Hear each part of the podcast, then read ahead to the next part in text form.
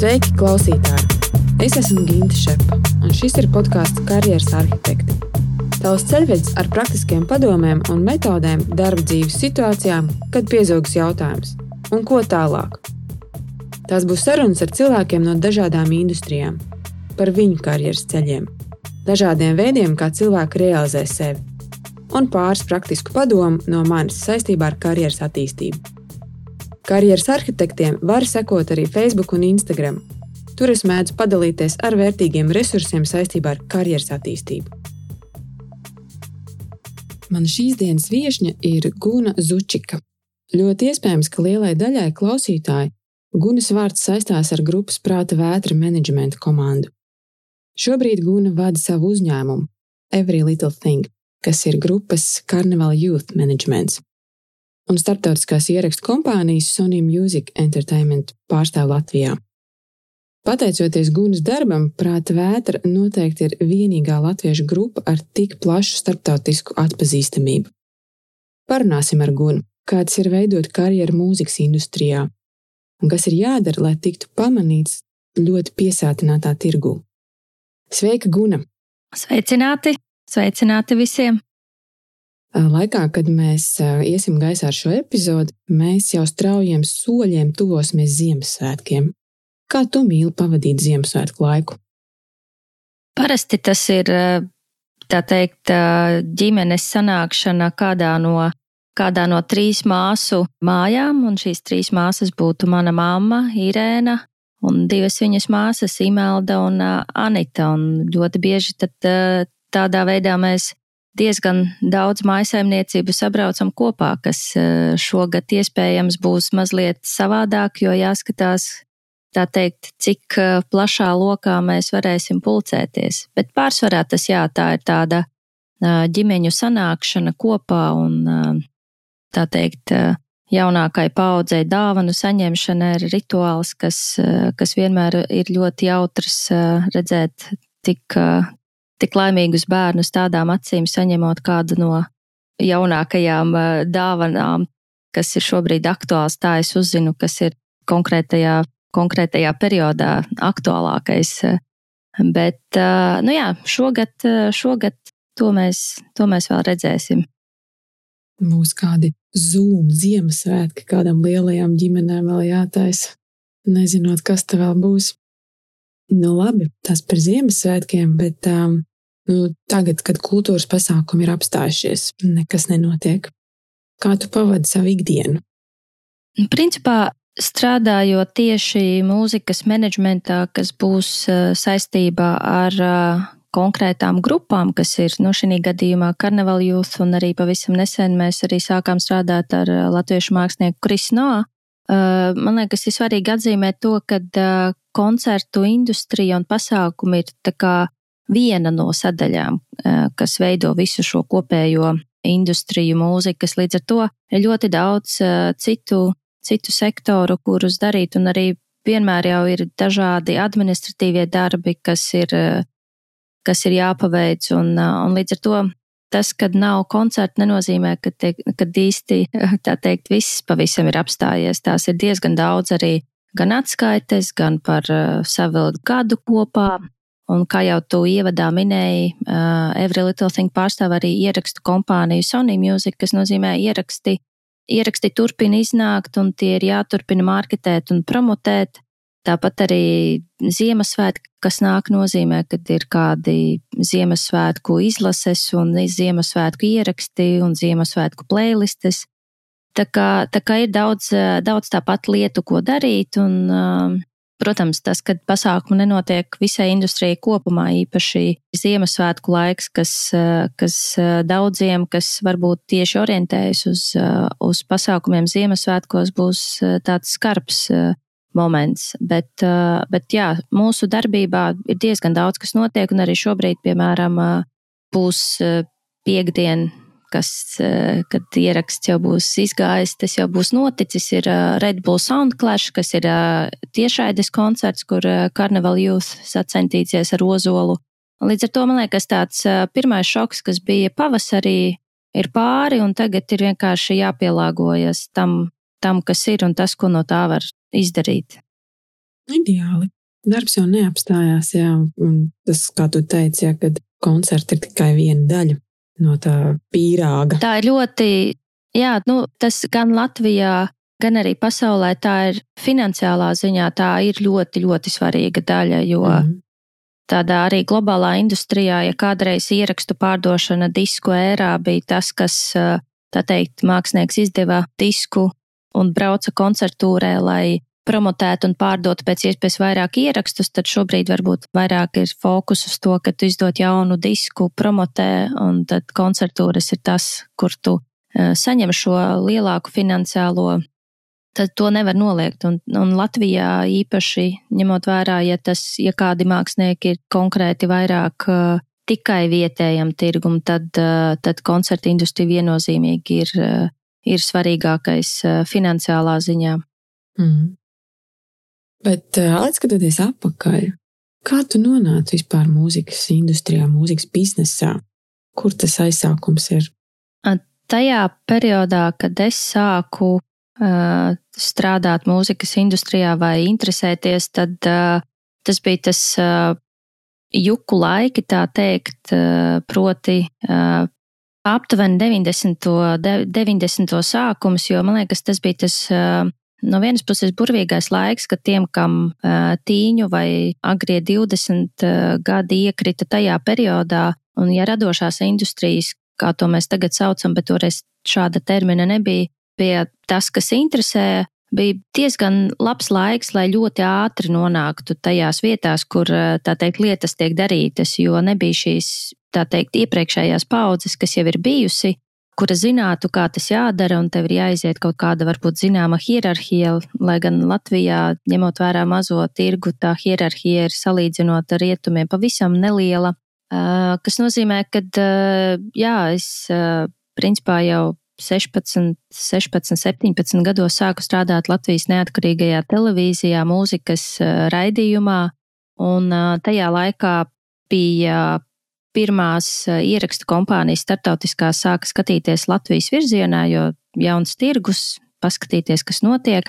Un, uh, tas nozīmē, ka arī esot žurnālistikā, paveras iespējas uh, intervēt startautiskos māksliniekus. Un tā es kopā ar Uldi Rudaku un Jegoru, kurš šobrīd ir Jegors, kas ir kultūras dienas galvenais redaktors tajā laikā, ap 97. 8. gads bijām arī tādi pirmie, kas devās uz Stokholmu intervēt ARM, Madonas preses konferenci, Red Hot Chili Peppers un tādā garā. Un tad no šīs pieredzes arī, principā, es domāju, diezgan daudz man palīdzēja pēc tam, jo tādēļ, ka tā bija arī man saskarsme, kā ierakstu kompānijas darbojās un strādā ar žurnālistiem.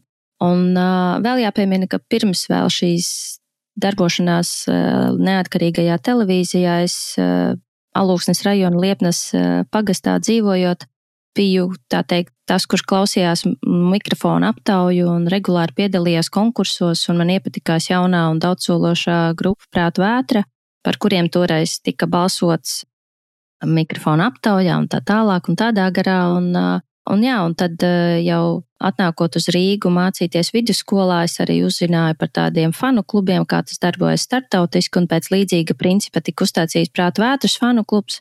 Un tad soli pa solim, nu jau uh, esot uh, Latvijas Universitātē žurnālistikā pirmajā vai otrajā kursā, man uzaicināja mikrofonu ieraksti, kuriem tajā laikā bija līgums ar prātu vētru par ierakstu izdošanu, pievienoties komandai, jo tas bija 99. gads, kad tika ierakstīts albums starp divām saulēm angļu valodā, un kas bija tāds pirmais apliecinājums, ka grupa mēģinās un vēlas doties starptautisko tirgu virzienā.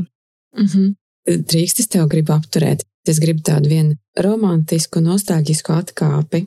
Protams, protams par, par, par tiem fanu klubiem. Man vienkārši tās arī ir tādas, zini, nu, bērnības atmiņas. Es tiešām atceros, ka bija tie fanu klubi, tur varēja rakstīt un pieteikties, un tur bija avīzes un viss, viss, viss. Kā tas bija? Tu, tu, tu biji izveidojis eh, prāta vētras fanu klubu. Ko tas nozīmē? Ko tu darīji tajā fanu klubā?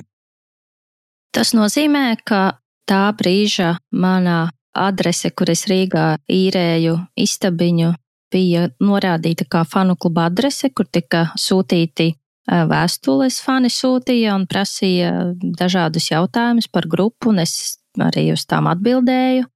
Tika veidota prātvētas. Tu viena pati, ja? Sākumā, jā, un sākumā arī pietika. Jā. Sākumā tas, principā tas bija ļoti labs indikators par to, kurā brīdī sākās prātu ētras popularitātes augšupēja pēc tā, cik uh, daudz vēstules sāka nākt. Un uh, toreiz tieši pēc dziesmas tavas mājas manā azotē iznākšanas es jūtu, ka nu jau mazliet kapacitāte man ir pamaz. Un, uh, un tad uh, no fanu kluba kādi aktīvākie cilvēki tika piesaistīti, kas, uh, kas jau tā teikt atbildēja šīm vēstulēm. Un, un pavisam drīz arī pēc tam fanu klubs pārgāja arī prātu vētras menedžmenta paspārnē. Jo, ja mēs skatāmies gan no tā laika, gan arī, kas ir interesanti šobrīd, fanu klubi nāk atpakaļ. Es gribēju vaicāt, vai ir tāda lieta? Jā. Protams, tas vairs nebūs fiziska avīzīte, ko tev sūta, bet, bet ir, ir fanu klubi, kas šobrīd nezinu, Metallica, es esmu skatījusies, ir The National, ir, un kas nozīmē, ka jā, kad tu samaksā kādus noteiktu skaitu, nezinu, 20, 30 eiro gadā, un tad tu saņem gan ekskluzīvāku saturu, gan īpašus suvenīru, merchandising piedāvājumus, tie paši pasākumi, kas kādreiz arī notika. Tā kā tas ir tādu apgājis apli, un šobrīd tas, jā, nāk atpakaļ. No, nu, cik interesanti. Tā kā, zinām, ienāk modē 90. Tā tagad rekur arī mūzikas biznesā ja, arī atgriežas fanu klubi. Prātā vētrā ir šobrīd fanu klubs. Man liekas, ka nē. Man liekas, šobrīd Latvijā īsti, īsti nav. Karnevāla gadījumā mēs gatavojam, mēs šobrīd vienkārši nogaidām, kad mūsu sadarbības partneri Vācijā izveidos platformu jaunu, caur kuru tad mēs šo tā teikt, atklāsim viņu šo jauno platformu. Mm. Un tad būs, ja, karnevāla jūtas fanu klubs. Jā, jo, jo kaut arī tā sajūta, ka ir šis eh, sociālie tīkli, kur eh, viss notiek un tev ir iespēja uzzināt, uzrakstīt. Tāpat, manuprāt, tas, tas ir tāds diezgan, diezgan nu jau vairs nav tik personisks, kā tas bija varbūt pirmsākumos. Un, un sākotnēji, protams, tas, ar ko tu sāc, ir, tu sāc veidot mailing listi, kas ir e-pastu vākšana un regulāra savu e-jaunumu parakstītājiem, sūtot jaunumus un īpašus piedāvājumus, uzaudzēt to apjomu, un pēc tam tu jau vari to konvertēt uz šiem, tā teikt, faniem, kas, kas vēlas iestāties fanu klubā. Un, Tā kā, tā kā jā, un tas ir vairākas platformas šobrīd, tie saucamie templēti, kurus mūziķi var izmantot, lai izveidotu savu fanu klubu. Tas vairs nav tik sarežģīti. Mm, tā vairs nav tā romantika, kas tev bija. Vēstules ar roku rakstīt un atbildēt. Katram laikam, katram laikam savs. Jā. Es domāju, katram laikam sava romantika. Mm, tas tiesa. Kādā intervijā Jānis Jubalts minēja, ka prāta vētras starptautiskie panākumi ir pateicoties tieši tev. Un, un, un prāta vētra, mēs zinām, ir iesildījuši ja, tādu pasaules zvaigznes kā Ariem, ir bijuši dalībnieki lielos starptautiskos festivālos. Kā, kā tu aizklauvējies līdz īstajām durvīm, lai tas notiktu? Nu, es domāju, tā, tā viena īpašība, kas iespējams man ir bijusi vienmēr, proti, man nav tāda sajūta par to, ka uh, tāpēc, ka mēs neesam no vadošā, vadošā mūzikas industrijas tirgus, tādēļ es nevaru pajautāt, vai es uh, nevaru kaut ko sasniegt. Es domāju, tāds, tā, tā īpašība ir palīdzējusi kaut vai no Liepnas pagasta izdomāt un doties mācīties uz Rīgu, un tad jau tas, tas notiek atkārtoti. Un, un jā, man laikam no sākta gala nekad nav licies, ka kaut kādas lietas nav iespējamas tikai tāpēc, ka mēs esam no mazāka un nezināmāka tirgus. ir jāsaka, ka daudzas lietas, kas nu, šobrīd jau, var teikt, būs tajā Latvijas mūzikas industrijas vēsturē, kas notika, bija arī tādas uh, ārpus industrijas pamat uh, noteikumiem, bet tajā laikā tādus, uh, tā teikt, nezināju ne es, ne cilvēki apkārt, jo tas viss bija, mēs principā mācījāmies darot. Un, uh, un jā, nu, tajā laikā, ja bija iespēja, ja es, nu, teiksim, grupā ar ēm man kļuva personīgi viena no mīļākajām grupām no šīm intervijām, ko es, uh, ko es savos 19, 20 gados, uh, nezinu, reizes 3, 4 viņas biju intervējusi. Un tad, iepazīstoties ar viņu menedžmentu, soli pa solim, tika sarunāta šī iesildīšana. Lai gan tādā industrijā tas būtu noticis vai nu caur kopēju ierakstu kompāniju vai caur kopēju booking aģentūru, Tāpat uh, Glastonberijas festivāls arī bija caur to, ka uh, viens no šiem festivāla, tā teikt, bukeriem, jeb tiem, kas izvēlās grupas skatuvēm, ir arī mūzikas industrijas pasākuma Great Escape dibinātājs Mārtiņš uh, viņas iepazinos daudzās mūzikas industrijas konferencēs, kuras principā ir kā tāds viens no svarīgiem punktiem, kur veidot šos kontaktus, un, kas ir neatņemama sastāvdaļa šajā industrijā, un ļoti daudzās citās arī noteikti. Un, es viņu biju pāris reizes uzaicinājusi uz Latviju, un viņš bija arī Prāta vētras koncertā.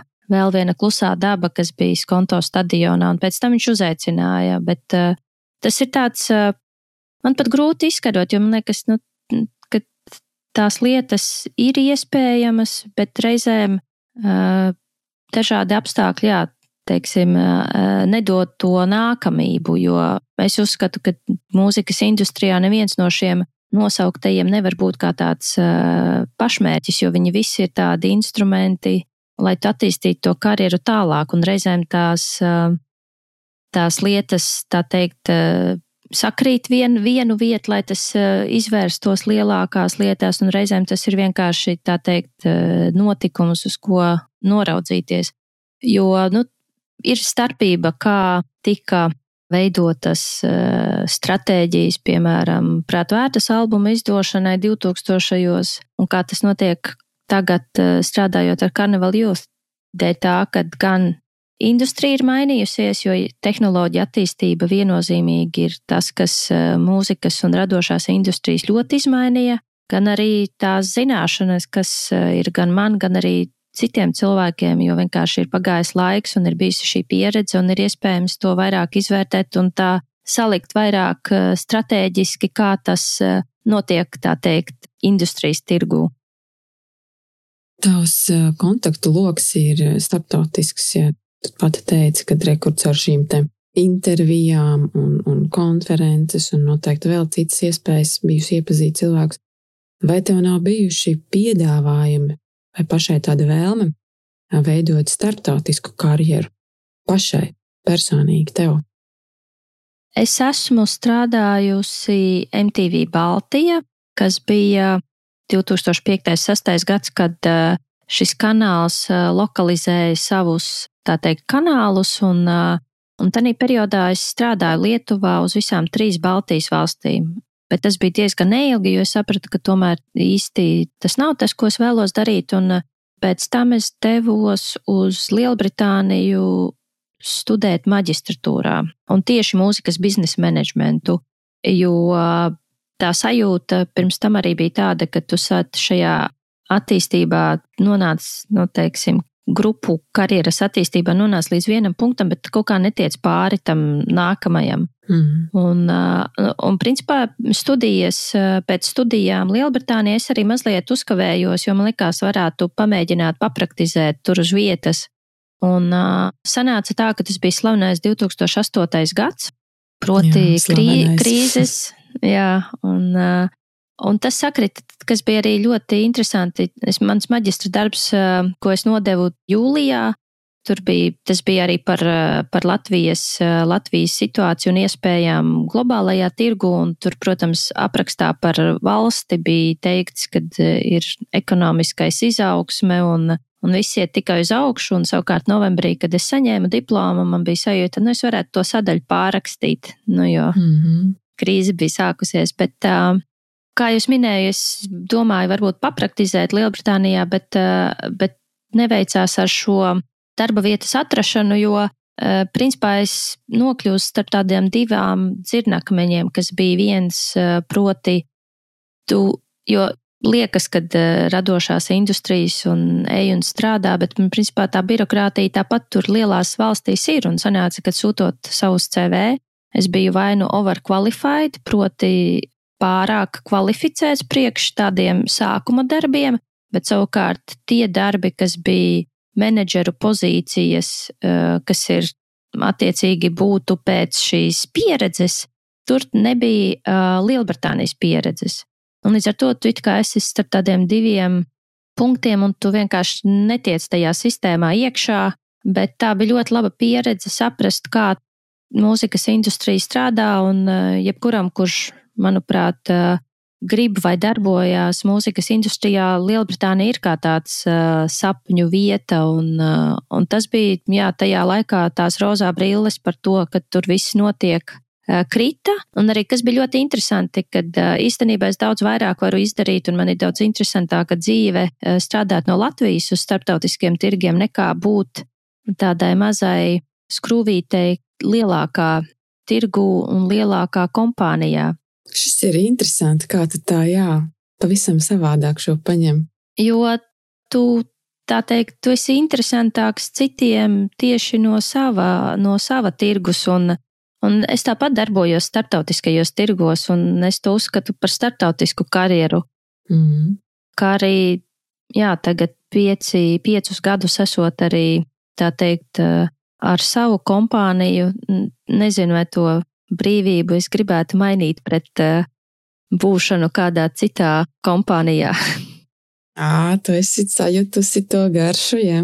Jā. Pats sev saimnieks.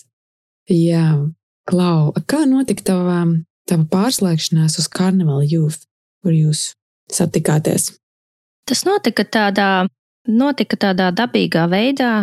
Nu, pirmkārt, jau es Emīlu Edgars zinu, kopš viņi ir dzimuši, un esmu viņus auklējusi, un uh, viņi bijuši birojā kopš es sevi atceros, bet tas jau, nu, to tu tā neuztver, tu domā, tie ir tā kā tādi krustbērni, kuri vienkārši mm. tur ir. Bet tad uh, kaut kad man liekas, eh, pirms sešiem, septiņiem gadiem Renārs palūdza, vai es nevaru pakonsultēt Emīlu Edgaru un viņu draugus par to, ka eh, nu, viņiem dziesmiņas ir un eh, kā pieregistrēt tās autortiesību aģentūrā, kā noslēgt līgumu ar to blakus tiesību aģentūrā. Un tā es viņus pakonsultēju, un pēc tam viņiem atnāca viens līgums, un man palūdza, es nevaru iziet cauri, ko tas nozīmē.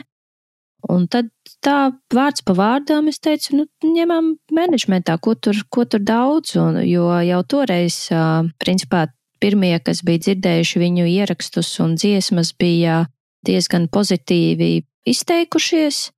Un, un jā, un tad soli pa solim tas tā viņu karjeras attīstība notika ļoti strauji, jo Sākām ar viņiem strādāt, un pienāca viens ēpasts, piemēram, no Dānijas, kur uh, viena no aģentūrām bija meklējusi mūziku uh, reklāmai Kalsberga bezalkoholiskam alum. Viņiem vajadzēja tādu indiju dziesmu, bet ne pārāk zināmu, jo, lai iekļautos budžetā, un tā šī dziesma nokļuva, līdz ar to bija pirmās finanses, lai varētu doties uz Great Escape, nu jau pieminētais, kuru Uh, Mārtiņš Elbons uh, vada.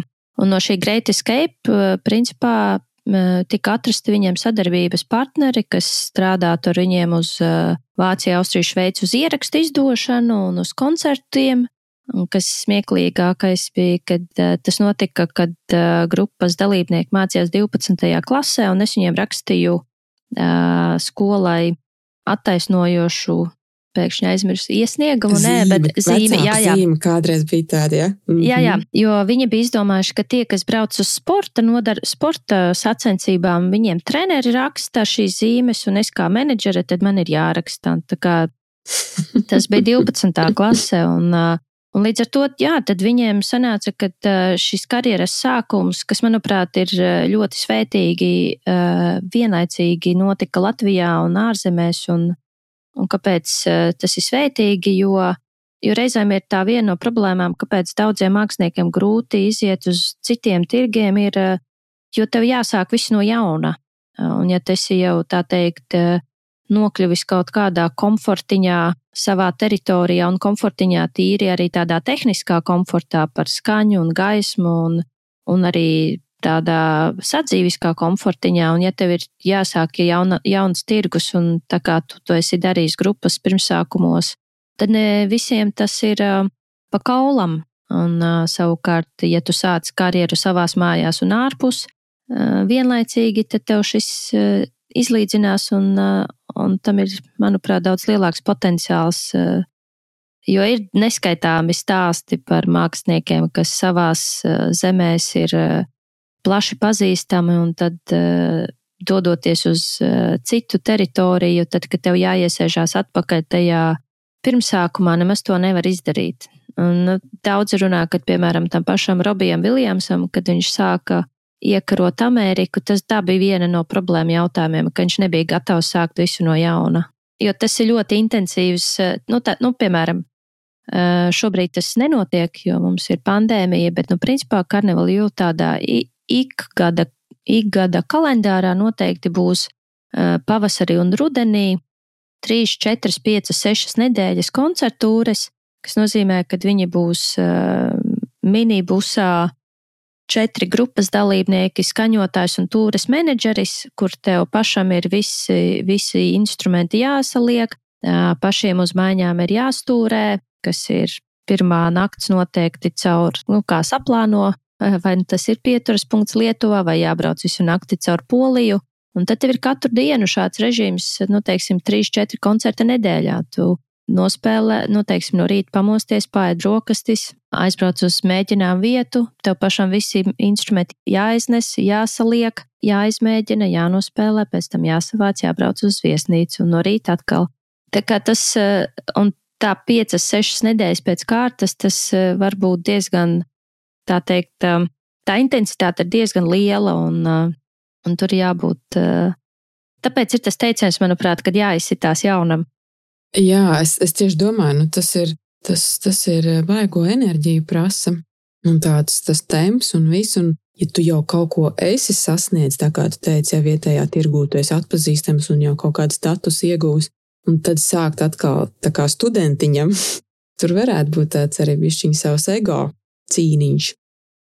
Jā, nu, Klaud, um, Ar prāta vētras pušiem jūs kopā, nu, ja tā var teikt, burtiski pieaugāt, uzaugāt. Ja? Vai tagad strādājot kopā ar karnevālu jūs tur redzi viņos kaut kādas līdzības ar prāta vētru, un tu teikt, ka, ah, Džeki, šito es zinu, es zinu, kā šitais beigsies.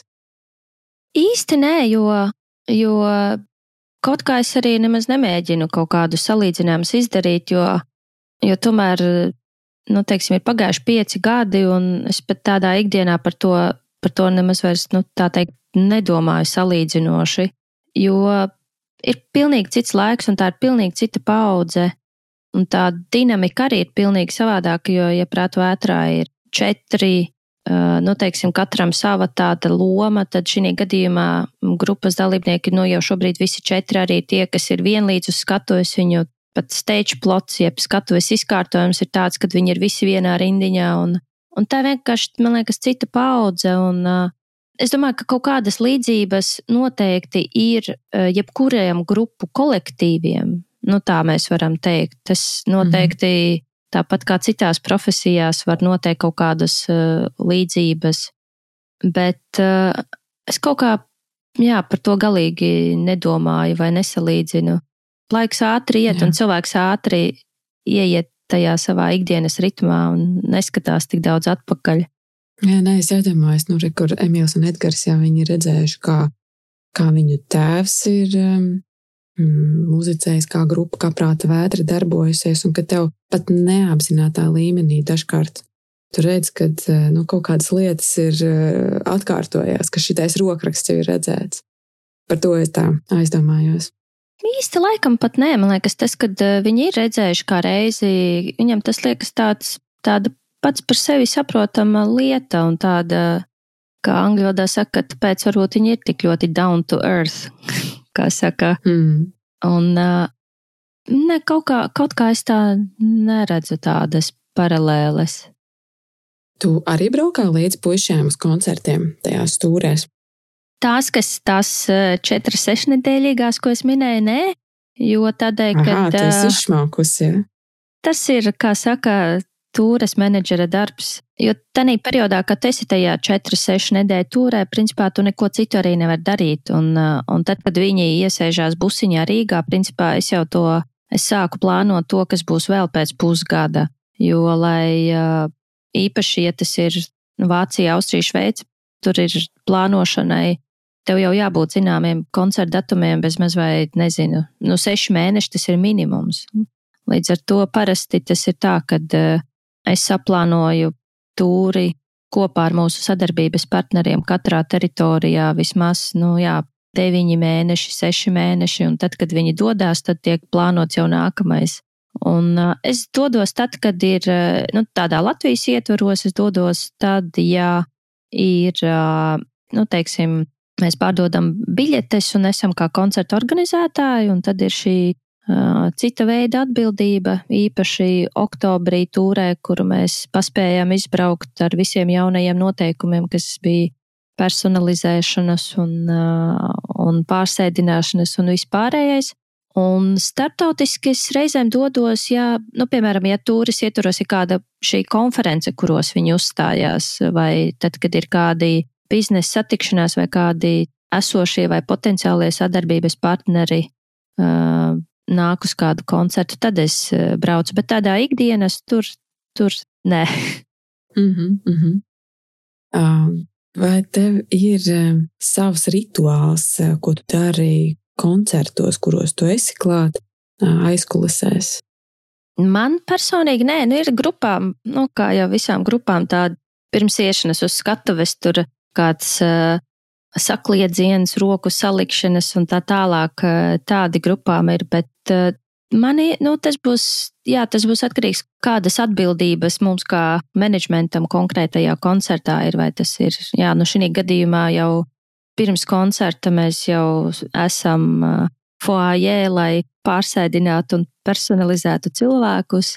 Un koncerta laikā, nu, mums bija 24 koncerti trīs nedēļās, kas nozīmē, ka tu jau kamēr grupa uzstājās, skaties aktuālo preses konferenci ar jaunajiem noteikumiem un domā, vai mēs šonadēļ vēl ierakstamies noteikumos un paspēsim nospēlēt vai nē. Tas bija tāds krīzes koncertūra, ne? Un, jā, tā kā, tā kā tā tūra beidzās tajā brīdī, kad uh, mēs varējām, pagāja 30 dienas no pēdējā koncerta, un mēs varējām personalizācijas, tā teikt, uh, neturēt vairs un nesaglabāt, jo bija skaidrs, ka tā tad viss e, ir, paldies Dievam, bez klāsteriem un bez uzliesmojumiem beidzies.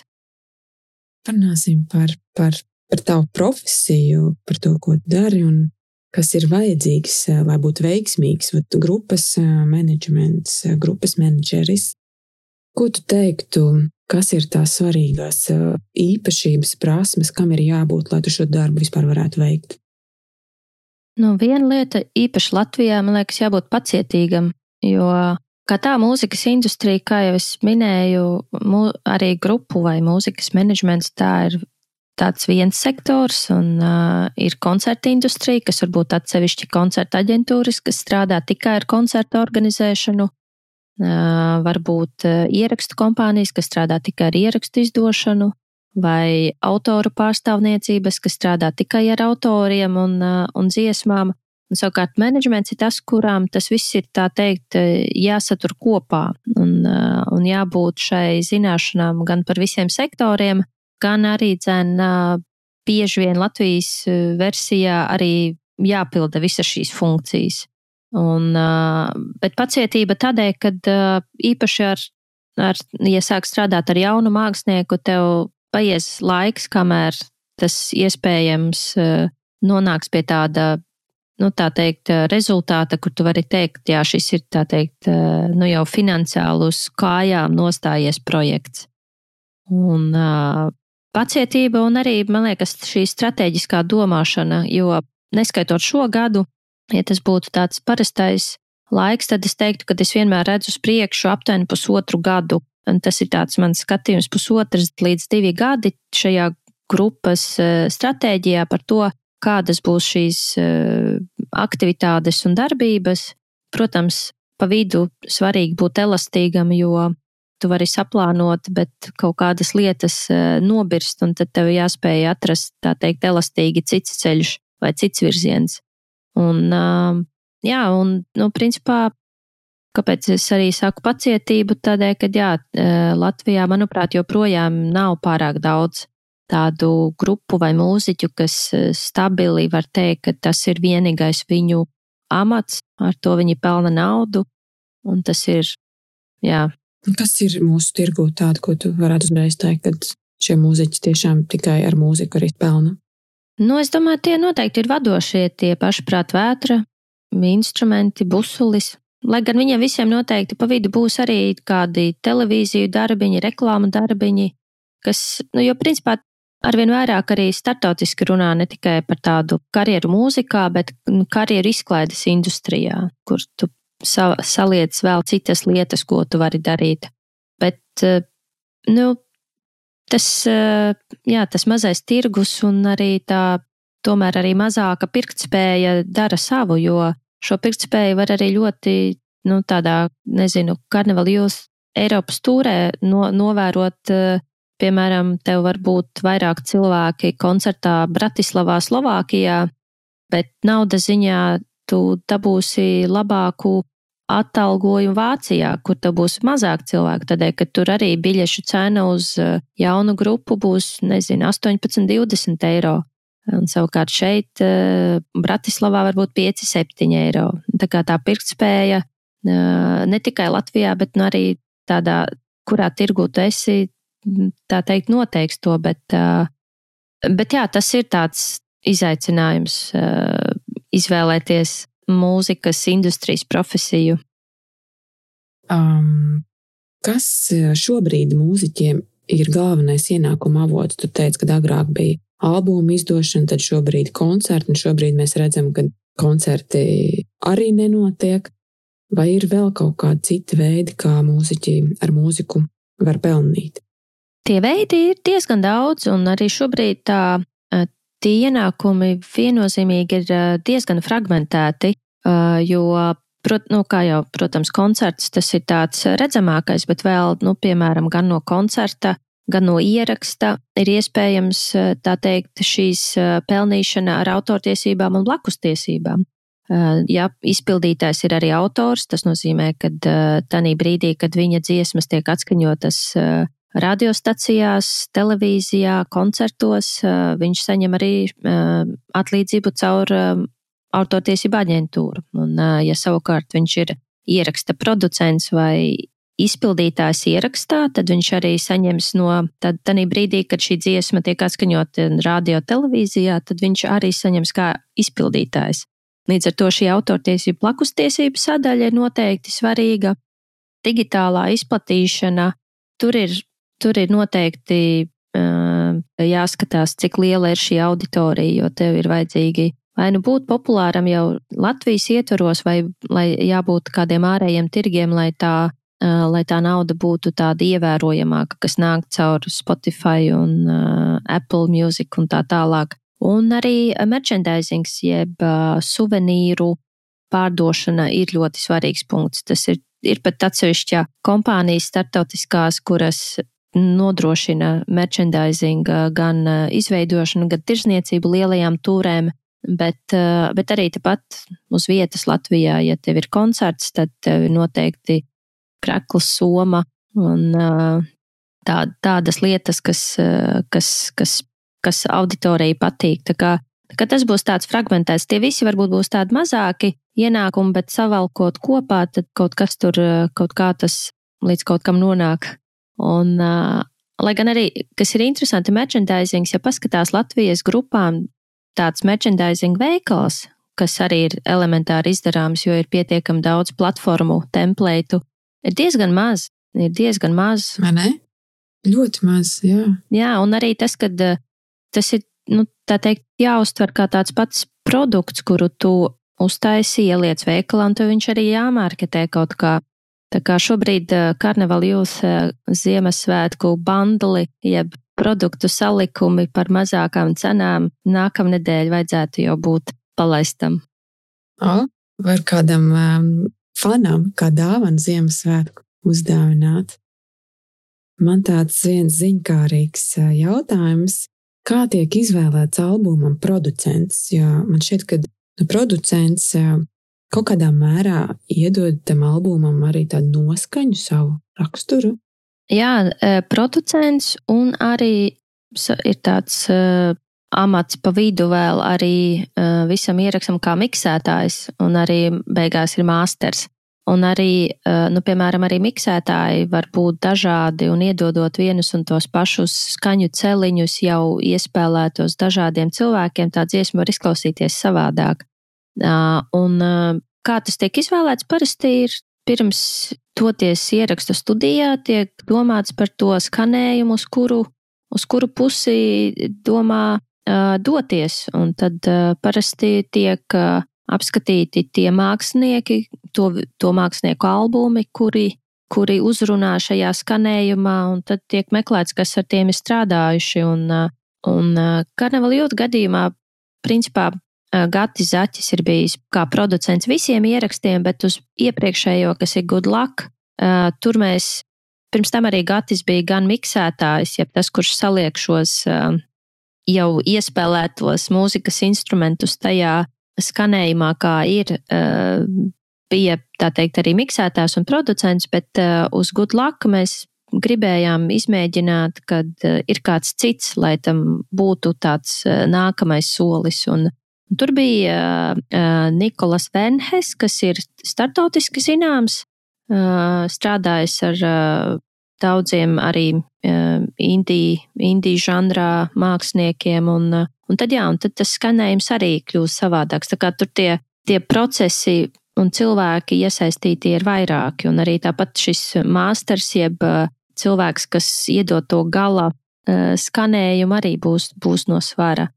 Bet pārsvarā tas ir jā, tu vienkārši skaties eh, grupas virzienu, uz kurā doties, un tad, eh, tad mēģini atrast viņus un saprast, kādas ir cenas, kāds ir budžets un vai tas ir iespējams.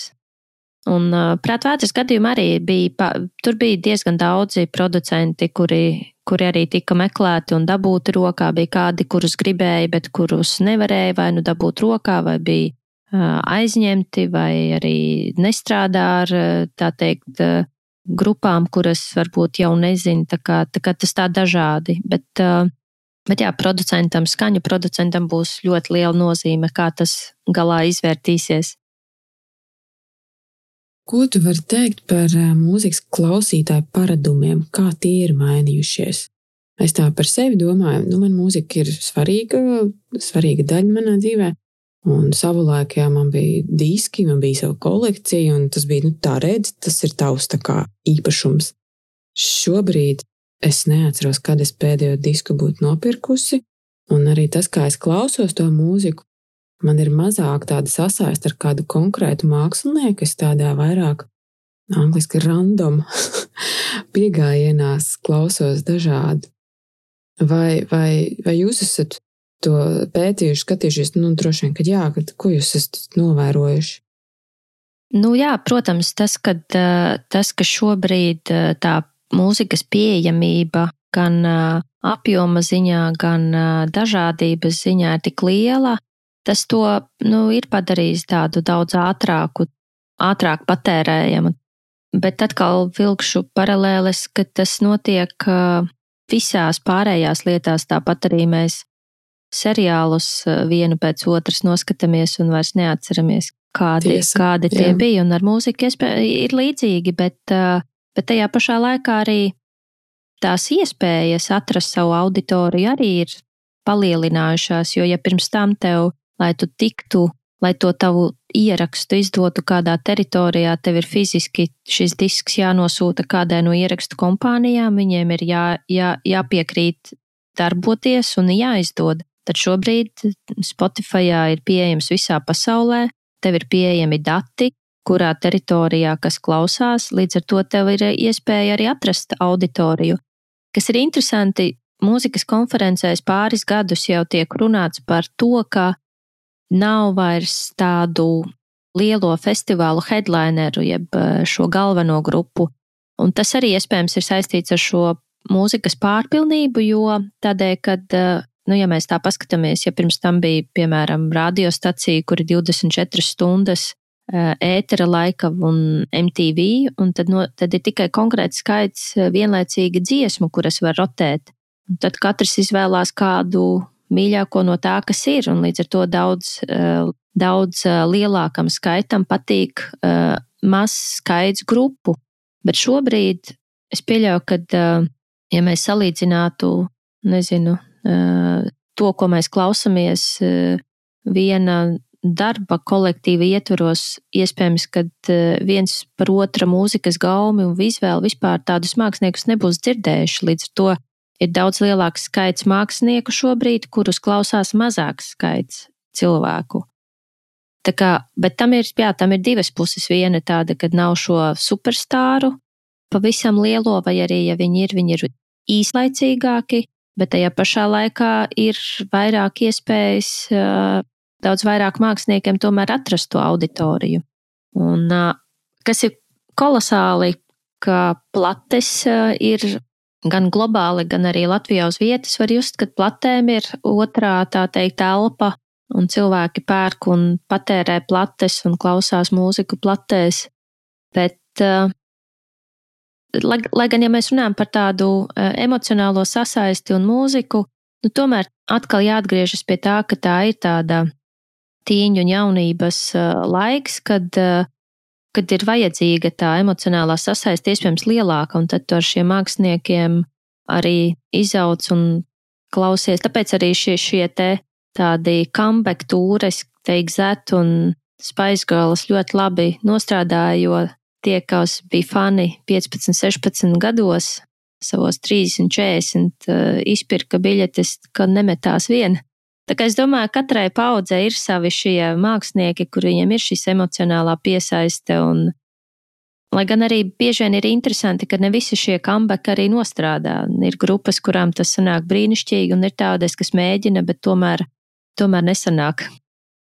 Jā, tiesa, jā, par to emocionālo sasaisti, jo es zinu, ka es ieeju dīzerī, es klausos caur dīzeru, un tad nu, nevar izdomāt, ko es šodien klausīšos. Tad uh, tur ir izlase, tur 90. Un tad es zinu, ka tur, tur tiešām būs kaut kas, kas man atmetīs atpakaļ jā, savā jaunības dienas eh, mūzikā, un tur ir būs mākslinieki, ar ko man ir tā emocionālā sasaiste.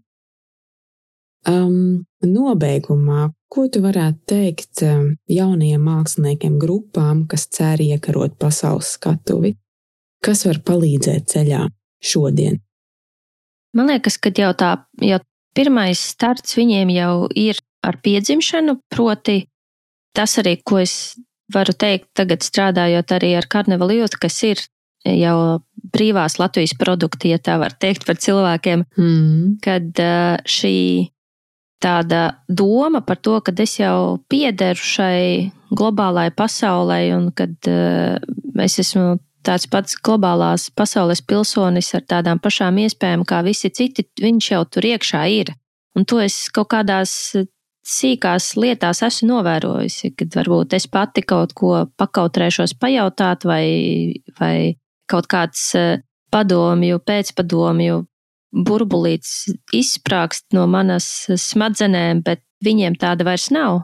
Un es domāju, ka tas ir pirmais priekšnosacījums, kas jau ir pozitīvs. Un, uh, Un šobrīd globālajā tīmeklī un arī to, kad ir iespēja mācīties ārpus Latvijas un apgūt gan mūziku, gan mūzikas menedžmentu, viņas jau ir. Un, uh, un līdz ar to es domāju, ka tur, tur ir tie, kas tiešām ļoti grib, uh, kad uh, neatlaidība un arī šī pati pacietība, un tad jau viss notiks. Jo Es zinu ļoti daudzus mūziķus, jaunus latviešu mūziķus, kas, eh, kas studē ārpus Latvijas, un eh, Nīderlanda ir viena no tām vietām, kur daudz ir studējuši. Un, Un ir ļoti daudz industrijas, tā teikt, studē, studenti, kas ir mācījušies. Un šobrīd Every Little Thing arī man ir divi, divi jaunieši, 25 gadnieki, kuri ir abi divi studējuši Lielbritānijā, un viens ekonomiku, un otrs mūzikas industriju.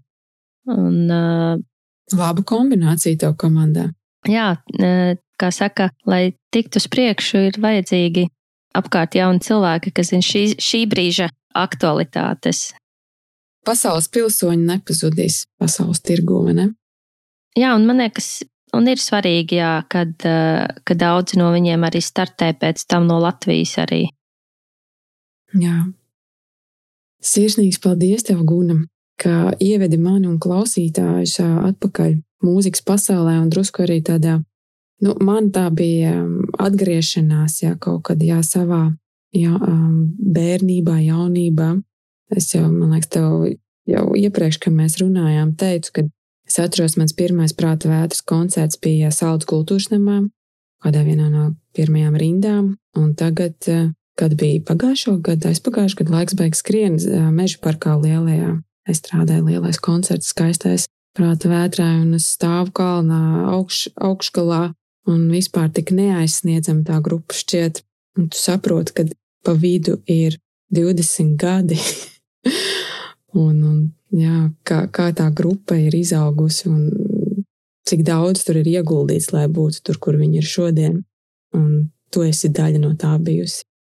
Tā kā skaidrs ir viens, ka mūzikas menedžments nav nekāda ballīte, bet ļoti strateģisks un taktisks darbs. Un Es ticu, ka karnevāla jūs ir tikuši ļoti labās rokās, tavās rokās, un es novēlu tev un, un puišiem grupai uh, nākamgad nu, pilnu kalendāru ar koncertiem un klātienes koncertiem. Man liekas, kad skatos cilvēkiem, tā klātiene ir tomēr svarīga.